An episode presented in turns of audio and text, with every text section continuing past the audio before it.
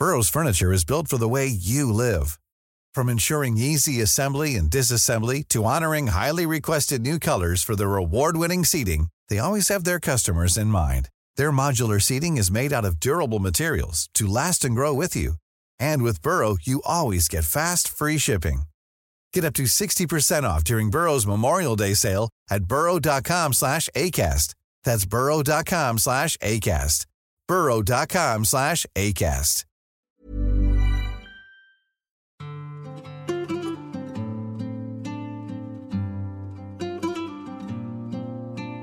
استيقظ الشعب الأردني يوم السبت على تسريبات عبر شبكات التواصل الاجتماعي ووسائل إعلام غربية بتفيد باعتقال الشريف حسن بن زيد وباسم عوض الله وآخرين. وهالشيء أكدوا بيان صادر عن القيادة العامة للقوات المسلحة الأردنية والأجهزة الأمنية. سرب بعدها تسجيل للأمير حمزة.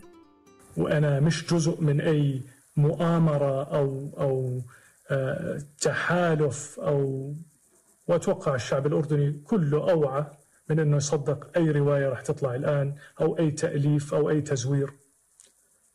همي وطني أقسمت لوالدي وأنا معاه وهو بتعالج. إني أظل مخلص قدر الإمكان وقدر قدر الاستطاعة لهذا التراب ولهذا الشعب. وإني أقدم حياتي إذا لزم الأمر من أجل الأردن ورسالة آبائي وأجدادي. وهذا المحرك والدافع الوحيد اللي عندي. لكن للأسف الشديد الإخلاص للوطن الآن تهمة وإذا الواحد ما انصاع وركع للظالم أصبح عدو. إذا الواحد يتكلم بكلمة حق أصبح محارب ومتهم. تتالت بعدها الأحداث خاصة بعد نشر واشنطن بوست وبي بي سي لأحداث في الأردن وتسجيل فيديو للأمير حمزة تلاها مؤتمر صحفي للحكومة في اليوم التالي. وأود أن أشير هنا إلى أن التحقيقات الأولية أثبتت وجود تواصل بين أشخاص من الحلقة المحيطة بالأمير حمزة تقوم بتمرير ادعاءات ورسائل إلى جهات في الخارج تشمل ما يسمى بالمعارضة الخارجية لتوظيفها في التحريض ضد أمن الوطن وتشويه الحقائق.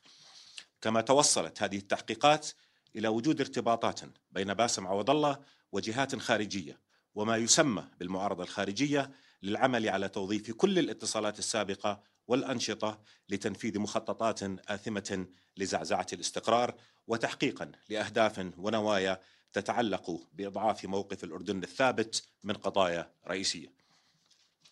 وتوازى ذلك مع نشاطات مكثفة لسمو الأمير حمزة خلال الفترة الماضية للتواصل مع شخصيات مجتمعية بهدف تحريضهم ودفعهم للتحرك في نشاطات من شأنها المساس بالأمن الوطني وأفادت التحقيقات الأولية أيضا بأن الأمير, الأمير حمزة كان على تنسيق وتواصل مع باسم عوض الله للتوافق حول خطواته وتحركاته. وسط هالأزمة داخل العائلة المالكة غابت وسائل الإعلام عن الرواية الأخرى. بعضها نشر رواية واحدة بتتركز على رواية السلطة بل صحف يومية حملت عناوينها الأولى وقد الفتنة. بينما اختارت وسائل إعلام محددة عدم تغطية هالحدث والانحياز لرواية السلطة. في هالحلقة من بودكاست البرلمان في موسم الرابع رح نناقش حدود التغطية الإعلامية في الأردن وكيف أثارت الأزمة الأخيرة أسئلة عن الثقة بينها وبين المواطن. اتوالت التسريبات والأحداث في الأزمة وسط غياب للإعلام المحلي عن المشهد بشكل مهني واستمرار تغطية الإعلام الغربي للأحداث في القضية. جو 24 أحد المواقع اللي اختار إنه ينأى بنفسه عن التغطية وإنه ما ينحاز لخطاب واحد. رئيس تحريرها باسل العكور بيوضح لنا هالقرار. يعني بشكل شخصي أنا أعلنت آه، كمؤسسة صحفية أعلنا بأننا آه، بأننا أخطأنا بأننا آه، بأننا ترددنا بأننا خفنا بأننا لم نكن بمستوى المسؤولية. لم ننقل لم ننقل ال الرأي والرأي الآخر. كان قرارنا التحريري منذ البداية أن نتجاهل الروايتين معا. يعني أن لا نركز على هذه الرواية ولا تلك لأننا غير قادرين على نشر الرواية الأخرى. فلماذا ننشر الرواية الرسمية اللي هي المليئة بالثغرات المليئة بالعيوب التي فتحت المجال لعشرات الأسئلة الرواية غير المتماسكة؟ لماذا نتبنى الموقف الرسمي ونحاول أن نبلعه للرأي العام؟ ونحن غير مقتنعين به ونحن بنفس الوقت غير قادرين على نشر الرأي الآخر. فقررنا أن لا ننشر شيئا يعني أن لا نركز أن لا نبرز أن لا يكون موضوعنا هذا. تجاوزناه تماما حتى نخرج من ال من ال من تأنيب الضمير المهني في هذه المسألة. ولكن هذا أيضا لا يعفينا. الأصل ان ان أن نأخذ أن نقف أن نقف على الحياد وننشر الرأي الرسمي الرواية الرسمية والرواية الأخرى التي فندت الرواية الرسمية بشكل كامل وتبين فيما بعد انها الرواية الأكثر تماسكا والأكثر ارتباطا بالحقيقة والواقع. وبيوضح العكور إنه أحد تخوفاتهم كانت بتصب بأنه ما يتم استخدامهم من أي طرف في ظل نقص المعلومات المؤكدة. والجميع يعرف وهذا ليس سرا أن الغالبية العظمى من وسائل الإعلام هي تحت عباءة وتحت مظلة السلطة في بلادنا وهي تتحرك وتتحرك آه، آه، وفق وفقها وفق البوصلة التي تحددها السلطة. وهذا ليس سرا وهذا انكشف وهذا هناك عدد محدود لا يتجاوز أصابع اليد الواحدة من وسائل الإعلام التي تتحرك ذاتيا، التي تلتزم بأخلاقيات المهنة، التي لديها معاييرها الخاصة، سياستها التحريرية الخاصة، التي تحترم فيها نفسها وتحترم أنها أنها تشتغل في هذه المهنة النبيلة والسامية، يعني بمعنى أن أن الذين يعملون في الإعلام ليسوا بالضرورة آه، آه، صحفيين يؤمنون بهذه المهنة ويؤمنون برسالتهم ويأبون إلا أن يكونوا آه، مستقلين ولديهم رؤيتهم ولديهم نهجهم وسياستهم التحريرية الخاصة. أما إذا كان هالمشهد الحالي في غياب الثقة بالإعلام بيخدم السلطة فبجاوبنا العكور. هو لا يخدم السلطة ولا تتحمل السلطة لوحدها مسؤوليته. هلا وسائل الإعلام اختارت أن تكون مرتهنة اختارت أن تكون أداة طيعه بيد السلطة. اختارت أن تعمل كجوقة وتابعة لاوركسترا ال system هي اختارت ذلك فهي مسؤولة اولا وأخيرا عما وصلنا إليه وعما وصل إليه الإعلام في بلادنا. هذا الإعلام الذي قبل أن يكون تابعا قبل أن يكون آه، مرتهنا وقبل أن يكون آه، آه، مسيطرا عليه. فهو مسؤولية الإعلام لا توجد سلطة في الدنيا لا تريد أن تسيطر على وسائل الإعلام. يعني حتى في أكثر الدول الديمقراطية في العالم تريد أن يكون الإعلام إحدى أدوات السلطة حتى يتحول الإعلام إلى إلى إلى أداة مهمة وأداة مؤثرة. آه، تستطيع أن تصنع راي عام وتستطيع ان أن تحل مشاكل الحكومة وتسوق لنهجها ورؤيتها ووجهة نظرها وبرامجها ومشاريعها وإنجازاتها، يعني فيش سلطة في الدنيا لا تريد أن يكون الإعلام آه، تحت تحت ذراعها، تحت عباءتها. نشر موقع حبر مقال باسم هيئة التحرير وحمل عنوان هل ما زالت الصحافة في الأردن ممكنة؟ جاء فيه وصفا لواقع الحريات العامة في الأردن وبأنه الإعلام ليس بمنأى عن هذا التضييق بالإضافة إلى غياب المعلومات الواضحة أيضا البيان ورد فيه التالي لعل أكثر الكليشيهات تكرارا في وصف الصحافة هي أنها سلطة رابعة تلعب دور الرقابة والمساءلة للسلطات الأخرى وتضمن حق الناس في المعرفة كأداة من أدوات ممارسة المواطنة الفاعلة. لكن هذا يفترض وجودا حقيقيا لا شكليا للسلطات الثلاث الأخرى واستقلالية فعلية لها وهذا ليس الواقع الذي تعمل فيه الصحافة المحلية. أيضا قمنا بإجراء مقابلة مع عضو مجلس نقابة الصحفيين خالد القضاء لنسأله عن غياب وسائل الإعلام عن المهنية في التغطية لكافة الأطراف واللي بيشوف إنه هذا بيرجع لحب المسؤولين للظهور في الإعلام الخارجي. يعني للأسف آه هذا الخلل اللي كل ما تصير آه مشكلة بالأردن بنرجع آه وبنصير نحكي عنه وبيظهر على السطح. عندنا هوس للمسؤولين الأردنيين. حبهم للتصريح لوسائل الإعلام الاجنبيه.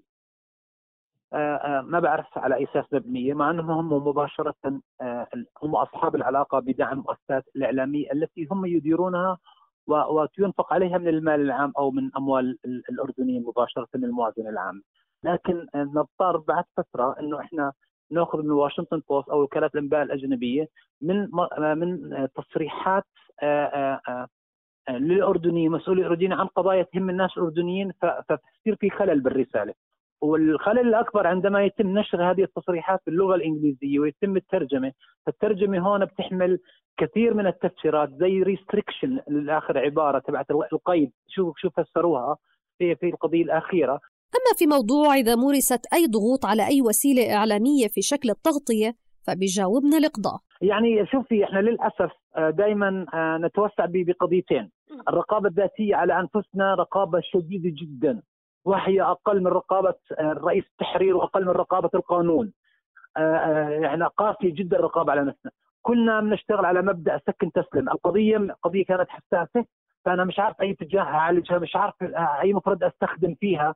فبقول لك إنه خلي غيري ينشر خلي غيري ينشر خلي غيري يبادر حتى يتحمل المسؤولية ما ينشره فكانت حتى إنه ما عندنا هامش مع ان التدريب حتى التدريب للصحفيين كافي بالتعامل مع هذه القضية. إنه كيف أعالج هذه القضية؟ كيف أوقف على على على آه، قصة الحياد واعرض كل وجهات النظر حتى لو القضية بتهم بلدي.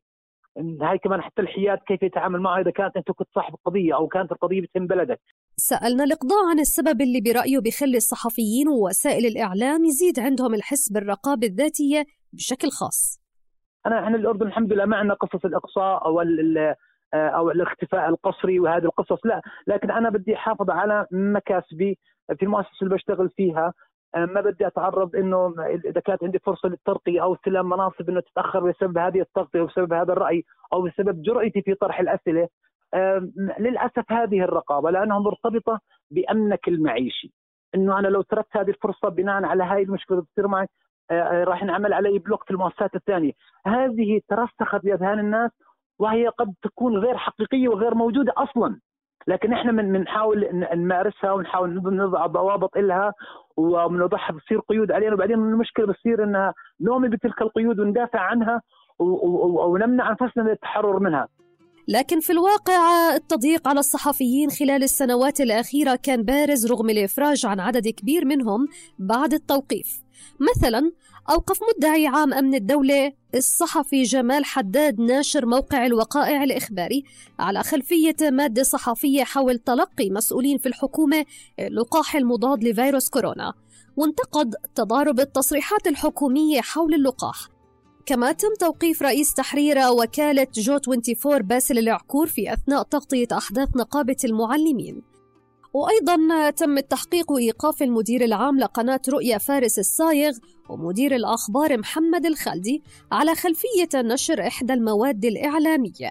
وكانت بسبب نشرهم مقابلات تلفزيونية لمواطنين بيشكوا من الوضع الاقتصادي بسبب حظر التجول. وقرر أيضا مدعي عام محكمة أمن الدولة توقيف عماد حجاج مدة 14 يوم على ذمة التحقيق على خلفية رسم كاريكاتيري بنتقد فيه حكام الإمارات بعد إشهارها التطبيع مع الاحتلال. هالأحداث كانت خلال السنوات الأخيرة. عدد من القوانين اللي بتوجه عدة تهم للصحفيين بناء عليها بتأتي ضمن قانون الجرائم الإلكترونية وقانون العقوبات بتهم متعلقة تعريض المملكة لخطر أعمال عدائية أو تعكير صلاتها بدولة أجنبية أو تعريض الأردنيين لأعمال ثأرية تقع عليهم أو على أموالهم أو تقويض نظام الحكم السياسي أو التحريض على مناهضته بالإضافة لقانون منع الإرهاب ومحكمة أمن الدولة بالإضافة أيضا للتوقيف الإداري اللي عانى منه غالبية الصحفيين اللي وجهت لهم تهم واعتبر عقوبة مسبقة. توجهنا للمحامي محمد اقتشاط المختص بقضايا الإعلام ليشرح لنا أكثر. أه، تتعدد وتتنوع القوانين التي أه، تقيد حرية أه، الصحافة والإعلام في الأردن. أهمها قانون المطبوعات والنشر وقانون الجرائم الإلكترونية وقانون الإعلام المرئي والمسموع وقانون العقوبات والقوانين الملحقة بهذا القانون. أيضا القوانين بعض القوانين الإجرائية التي تجيز توقيف الصحفيين. آه، قانون حق الحصول على المعلومات العقيم. كل هذه القوانين آه، تعيق آه، حرية الصحافة والإعلام في الأردن. ليس فقط في أن التغطية الإعلامية بموضوعية بل تعيق التغطية الإعلامية بشكل عام. وضمن هالقوانين المقيدة لحرية الإعلام. بيعتبر البعض أيضا حظر النشر قرار ممكن يعمق من ضبابية المشهد بعد صدور قرار بمنع النشر في قضية الأمير حمزة تلا بعدها توضيح من النائب العام بأنه حظر النشر بيشمل كل ما يتعلق بمجريات التحقيق وسريته وسلامته والأدلة المتعلقة فيه وأطرافه وكل ما يتصل بذلك وهون وضح لنا اقتشات قرار حظر النشر الذي يصدر عن النيابة العامة عادة هو قرار كاشف لسرية التحقيق آه، كاشف للمبدأ القانوني الذي يقول بسرية التحقيق.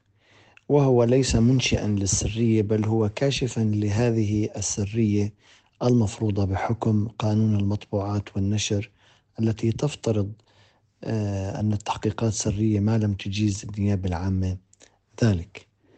آه، وهذا يعني أن النص القانوني الوارد في المادة 39 من قانون المطبوعات والنشر هي الواجبة التطبيق.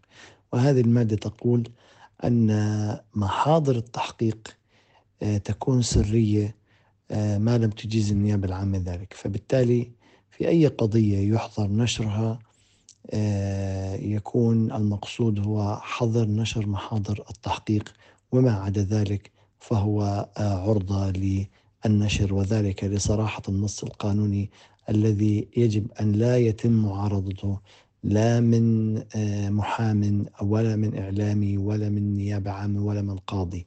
وهذا النص واضح ولا اجتهاد في مورد النص. وضمن تسارع هالأحداث والانتقادات العديدة اللي طالت تغطية وسائل الإعلام للأحداث.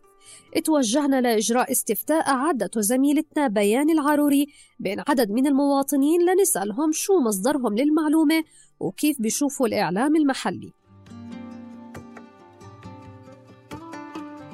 أنا مش من متابعين الأخبار سواء المحلية أو العالمية.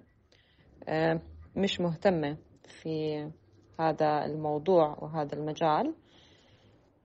بس بالعادة لما أحضر بدي أعرف أخبار البلد بشوفها على الفيسبوك مثل الصفحات صفحات رؤيا والمملكة وغيرها. آه بتابع وسائل الإعلام المحلية بس فعليا أكثر وسيلة إعلام بتابعها هي خبرني. بحكم طبيعة عملي على الكمبيوتر لأنه متوفر أونلاين كتير. وبس أروح بتابع آه، قناة المملكة وعلى ال social media يعني. أستقي الأخبار من ال social media. آه، بالأحداث الأخيرة لا ما بتخيل وسائل الإعلام المحلية غطت الأحداث بشكل مناسب. كان في ضعف بهاي التغطية وكنت أستقي الأخبار من مواقع أجنبية زي البي بي سي والواشنطن بوست وول ستريت جورنال. وفعليا كنت أستقيها من الواتساب أكثر شيء التسريبات الصوتية وآراء الناس وبشكل عام الأخبار. وكان في اهتمام بهاي الفترة بالمصادر الرسمية زي صفحة آه، الديوان الملكي وزي صفحة رئاسة الوزراء. كانوا مصادر كثير موثوقة وكان عندهم الخبر بلحظتها. بالنسبة لمتابعة الوسائل الإعلام المحلية صدقا مش كثير بتابعها. خصوصا بالمواضيع السياسية. ممكن أتابعها بس بما يخص موضوع الطقس والأحوال الجوية فقط لا أكثر. أما بموضوع أنها غطت الأحداث الأخيرة فأنا شايف أبدا ما غطت. وإن كانت غطت فغطت جانب واحد فقط ما غطت الجانب الثاني. فأغلب المعلومات اللي أنا كنت بدي أخذها كنت ألجأ لها لل... بصراحة للمعارضين الخارجية لوسائل الإعلام الخارجية لأنه ما عندي أي ثقة بوسائل الإعلام المحلية. نعم أتابع وسائل الإعلام المحلية. وكل قناة وكل مصدر حسب مصداقيته التراكمية. وللأسف 90 أكثر حتى أكثر 99% من وسائل الإعلام المحلية آه، بغير آه، مصداقية. وسائل الإعلام العالمية أيضا يعني آه، فيها مشكلة لأن السياسة لا يمكن أن تنفصل عن المصالح الإعلامية وضغط الدولة بتكييف الخبر مثل ما تشاء. فأفضل دائما أن أقرأ لمن يفهم ويستطيع أن يعطي تحليل منطقي آه، وصحيح بدخل عقلي. نعم بتابع آه، وسائل الإعلام المحلية.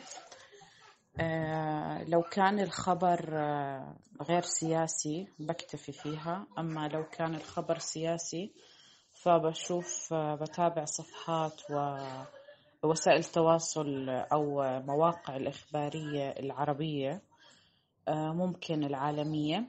آه، وبتابع لو كان أيضا سياسي الموضوع ممكن آه، أطراف لو كان في معارضة أو أشياء زي هيك. بالنسبة لآخر أحداث صارت بالمملكة أكيد ما اكتفيت بالأخبار المحلية. تابعت العربية وتابعت المعارضة وأيضا الوسائل الإعلام العالمية الأجنبية بالأخص. أنا بتابع وسائل الإعلام المحلية بشكل عام وبالأيام العادية. بنعرف أخبار البلد آخر الأحداث آخر المستجدات إذا عشان كورونا بنتابع آخر التطورات. آه، هذا بشكل عام. أما بالنسبة للأحداث الأخيرة فكان واضح أنه في فشل في تغطية الأحداث أو إفشال متعمد لتغطية الأحداث الأخيرة. فاضطرينا نتابع الوسائل الإعلام العالمية بطريقة أو أخرى يعني لمعرفة على الأقل بعض التفاصيل اللي صارت. توجهنا أيضا لإجراء مقابلة مع عضو لجنة التوجيه الوطني والإعلام والثقافة في مجلس النواب النائب عمر العياصرة وسألناه كيف تعاطي الإعلام المحلي مع الأزمة الأخيرة. شوف الإعلام المحلي يعني في أغلبه رسمي. بالتالي هو بينتظر في الغالب الإشارة الرسمية. زائد ينتظر الرواية الرسمية. لذلك كان مترددا متأخرا لأنه لا يملك المادة. في اللحظات التي كانت الناس تتداول تخيلي معي تتداول كل المعلومات على السوشيال ميديا وكان في هناك بعض المعلومات وليس تكهنات مثل التوقيفات اللي صارت لبعض الأشخاص ظهرا. كان وزير الإعلام يظهر على إحدى الفضائيات ويتحدث عن عنوان آخر عنوان مختلف يتعلق بإدارة ملف رمضان والكورونا. اذا الإعلام غائب، الإعلام مجرد ما توافرت له المعلومات بدأ يتحدث وأيضا الإشارات، وهذه إشكالية الإعلام الرسمي أنه ممول رسميا من جهة رسمية وبالتالي ينتظر، لا يوجد يعني لا تطلق يده في هذا الأمر، لذلك كان اداؤه سلبي متأخر الناس انتقدوه بشدة. بشوف العياصرة أنه السياسة التحريرية لمؤسسات إعلامية غالبا مرتبطة بالممول والممول الدولة. أحيانا بيكون الممول مرتبط بوزارة الإعلام أحيانا بيكون الممول بتجسد بالجهات الأمنية واللي بينعكس على تغطية وسائل الإعلام وتقييدها. لكنه أيضا ما بينكر وجود قوانين بتقيد العمل المهني وبترهب الصحفي والوسائل الإعلامية. أتفق معك هناك مجموعة من التشريعات العقابية الموجودة في قانون الجرائم الإلكترونية الموجودة في آه، آه، قانون المواقع الإلكترونية آه، اللي موجود حتى الآن دخلونا واحتمال يدخلوا تشريعات تتعلق بايضا ربط ذلك بمكافحة الفساد، كل ذلك يعيق. والمشكلة في هذه التشريعات أنها فضفاضه بمعنى أنه يستطيع اللي هو الأداة التنفيذية أن تستخدمها كيفما شاءت، فلذلك الكل يعني عد العشرة وخاف، لكن الإشكالية الكبيرة حينما يغيب المحلي يظهر إيش؟ الصنم الذي يعبئ كل ذلك فتظهر الخارجي ونبدأ نتداول ما يقوله في يقولونه في أمريكا وفي واشنطن بوست والمعارضة الخارجية وكل هذه التفصيلات. وحول هالموضوع تساءلنا عن دور مجلس النواب تشريعيا أو رقابيا فيما إذا كانت هنالك فعلا أولوية لمعالجة حرية الإعلام في الأردن سواء بإعادة تعديل القوانين الناظمة أو باستجواب الحكومة في التضييق فبيجاوبنا العياصرة. أكذب عليك أقول لك ال 130 نائب الجسد النيابي الرئيسي يعني قاعد يفكر ويعني وقلق على الإعلام أبدا مش موجود هذا الأمر. حتى أنا بحكي لك كنائب هناك أفراد يعني يشغلهم هذا الأمر لكن كم يمكن أن يخلقوا إرادة التشريعية خاصة في ظل الضغط التنفيذي والتغول التنفيذي على أداء المجلس التشريعي؟ إنهم ينجزوا شيء يتعلق بالإعلام، قد يقلقنا هذا الأمر لكن لا يصل إلى حد إن نعمل انعطافات كبيرة، هذا يحتاج إلى مشروع إصلاحي أكبر من قصة نواب، يحتاج إلى إصلاح كبير وإرادة كبيرة تتعلق بإصلاح كل المؤسسات في البلد، هذا رأيي الشخصي. صنف الأردن في المرتبة 128 من أصل 180 دولة على جدول التصنيف العالمي لحرية الصحافة واللي نشرته منظمة مراسلون بلا حدود عام 2020 في نهاية هالحلقة هاي تحيات فريق بودكاست البرلمان. حسان مهرة من الإخراج الصوتي. من التحرير صابرين طه. بيان عروري من البحث. كنت معكم بالإعداد والتقديم هبة عبيدات.